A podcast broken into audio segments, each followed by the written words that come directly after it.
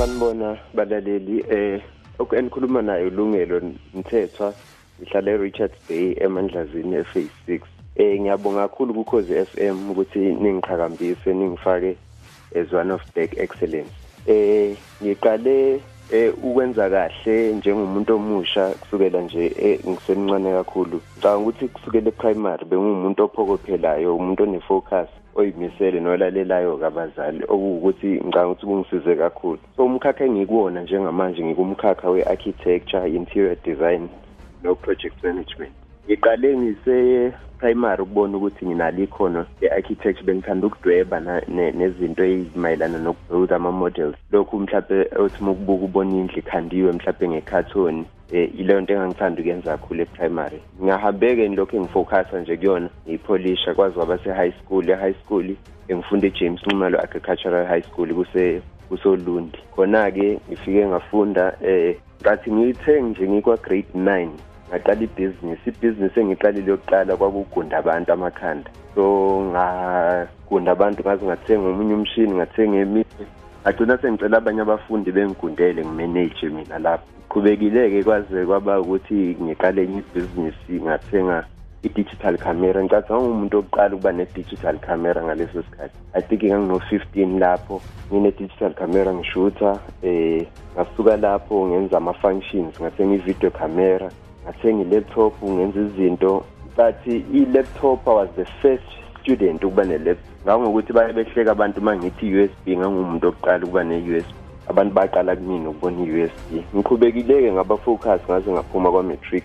Ngiwumuntu olalelayo nje nabazali ngiwumuntu olalelayo nothisha ngi-cooperate so-ke ngaphuma kwa-matric ngahamba university ise-p e e-eastern cape. So ngifunde i-architecture-ke khona-ke. I-architecture is a very challenging course kwakungiphoqa ukuthi ngibe umuntu ofocusile.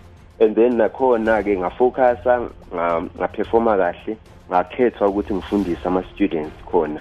Ngithe ngenza unyaka wesibili nje bese ngifundisa ama-first year students esengiholelwe e-university ngibe ngifunda. Ngaqala-ke nebhizinisi-ke khona-ke manje ngarentisa ama-fridge uma-students e-res ama-bar fridges ngaqhubeka-ke ngafunda ngifocasa kanjalo ngaze ngaqeda ngagraduata and then ngabuya back to richards bay.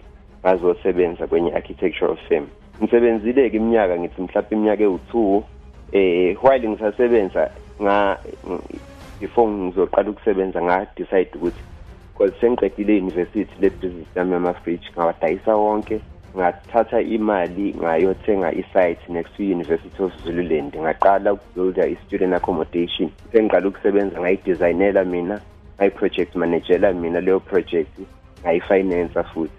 So angaze ngiyithole uxhaso ndawo. By the way nasesikoleni-ke ngifunda angikaze ngilithole uxhaso. Ngibuyelile-ke ngayofunda-ke e-dut-ke 2018 sengenza i-btech in architectural technology. Nakhona ngifike ngafundisa ama-third year students nama-first years. So nakhona bengiphefome kahle kakhulu nje ngagraduata with ama-distinctions. And then nga-head hunter enye ikhampani ese-cape town okuthiwa i-m o h architects and planners. So ngisebenzela yona ngihlala e-cape town.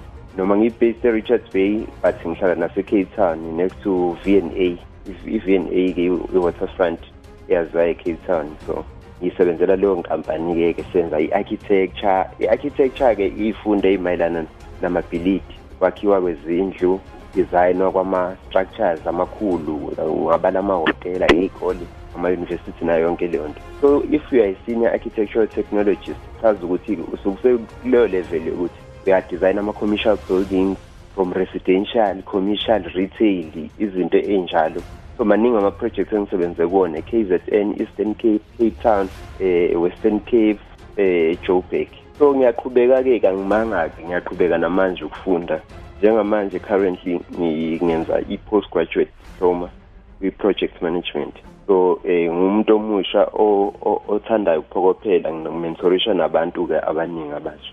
So imoto yami ike ithi eh ungaqala noma yiningi so mangikwazile ukuthi ngiqala ibhizinisi at the age of 14 ayikho ngempela i-excuse for omunye umuntu ukuthi ethi yena ngeke eze wenze umehluko.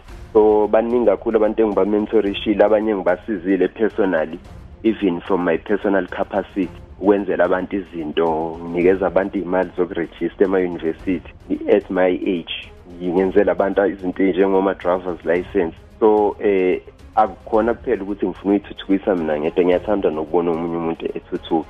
Ilibonga kakhulu-ke leli thuba kukhozi f m and umuntu ofisayo uxhumana nami um ngangixhumana nami instagram ulungelo mthethwa one word.